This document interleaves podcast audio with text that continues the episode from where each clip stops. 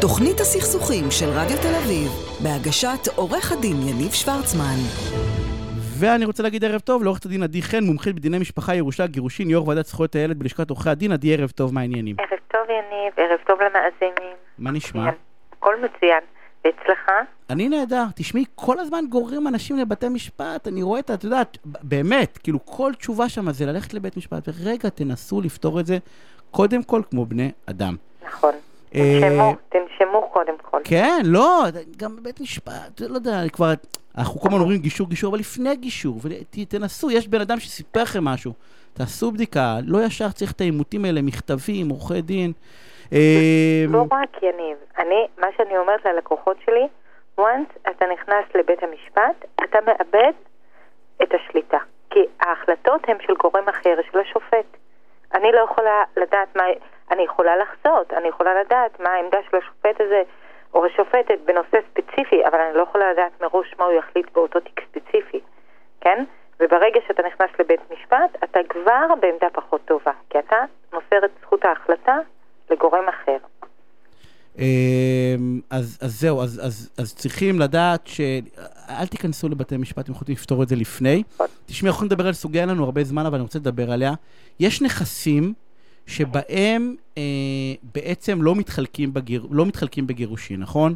נכון, אלה נכסים שמתקבל, שנצברו לפני תקופת הנישואין, או התקבלו בירושה, או במתנה, או פיצויים על נזקי גוף, כשהרכיב הוא לא רכיב של אה, שכר, אלא על, אה, על נזק בגוף עצמו.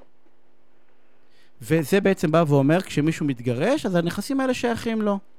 זה החוק. זה החוק, אבל, אבל, לא, אבל, אבל, אבל אני, אני מבין ממך שהחוק הוא לא, ש, שיש בעיות עם הדבר הזה. יניב, אם משפט שלך, בעצם, נכון. שלבתי משפט בעצם יש סמכות להחליט, אני לא יודע אם בניגוד לחוק, אבל, אבל בעצם לקחת את הנכסים האלה שלא מתחלקים איתם, ולחלק אותם אחרת.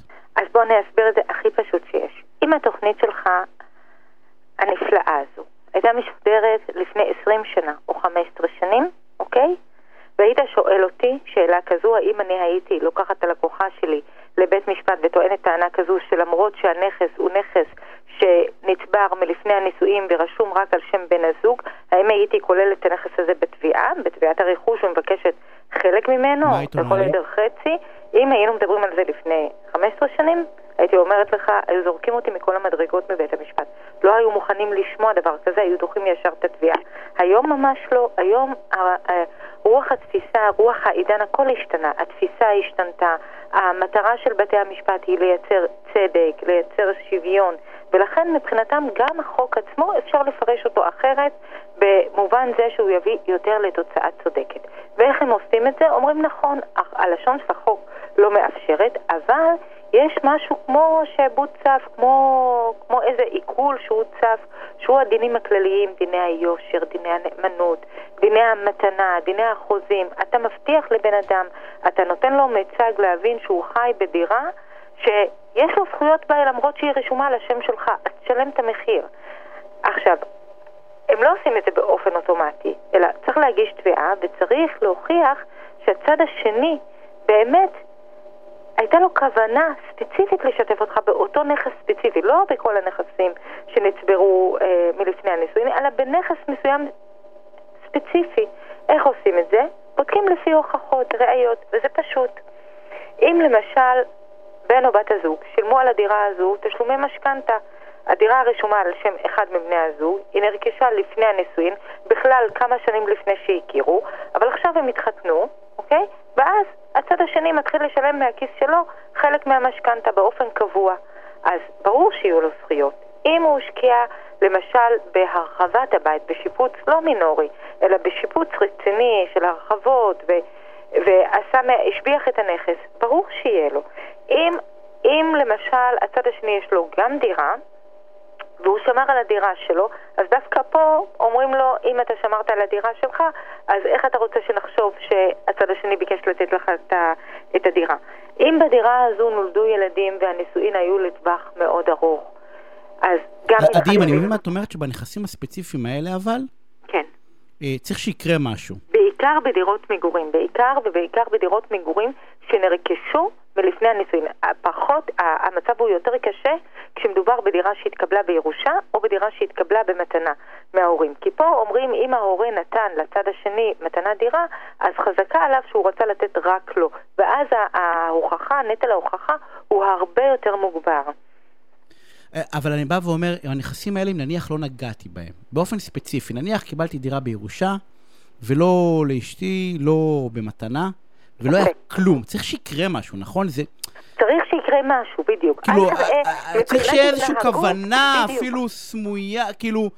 צריך ש... כאילו, אם אני ניטרלתי ושמתי את זה בחשבון בנק אחר ולא משנה מה, אז, אז הוא... נכון, אז אתה שומר עליו. מאוד חשוב, אם אתה באמת רוצה פירוד בנכסים האלה, הפרדה רכושית מוחלטת, אז באמת אל תערבב אותו עם מסת הנכסים המשותפת.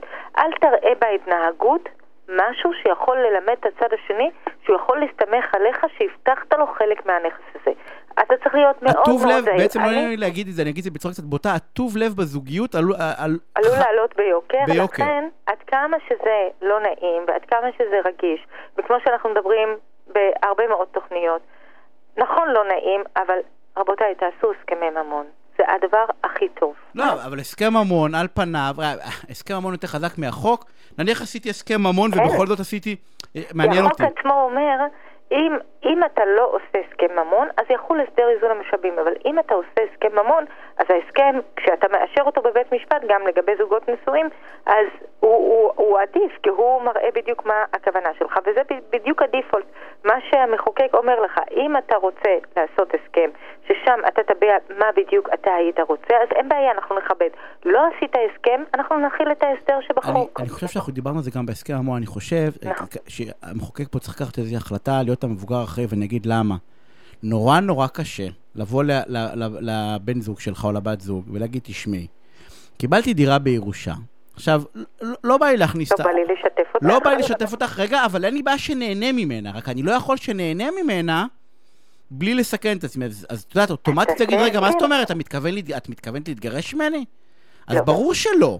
לא, אז אני הייתי מסבירה לה יפה. אבל, אבל, זה, אבל אם המחוקק היה בדיפולט עושה את זה, כאילו, המחוקק כאילו הסדיר את זה, ובא בית משפט וטורף את הקלפים.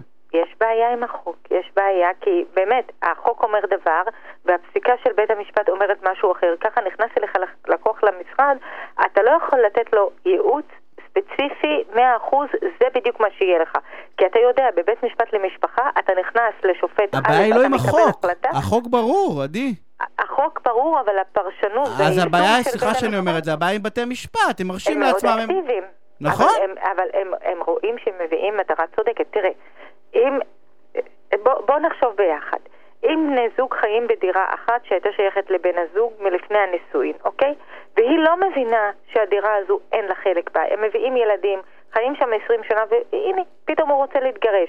אם היא הייתה יודעת שלא יהיה לה שום חלק בדירה הזו, אז היא הייתה חוסכת לעצמה מהכספים שלה, מכספי העבודה שלה, היא הייתה משאירה לה משהו בצד. ליום כזה שהיא תצטרך להתגרש כדי שיהיה לה קורת גג משלה. צריך גם להעניק כרית. ביטחון כלכלית. לכל אחד מבני הזוג.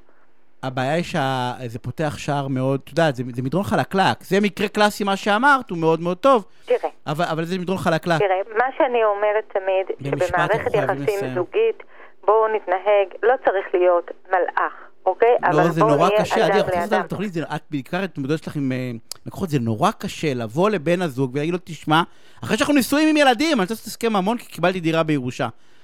אבל אנחנו חייבים לסיים. זה הכי ברור לעשות, אבל אוקיי, נדבר אנחנו, על זה. אנחנו נעשה, אנחנו, כן. זה כן, זה נושא סופר חשוב, ואני יודע נכון. שזו הרצאה בלשכת עורכי הדין לדעתי על הדבר הזה. נכון. אז אפשר לראות בפייסבוק של לשכת עורכי הדין, לדעתי.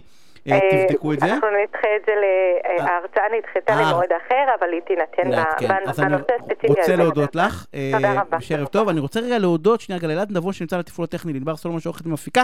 פרסומות וכבר חוזרים, יש נקמות ובגידות, תישארו איתנו, יהיה סופר מעניין.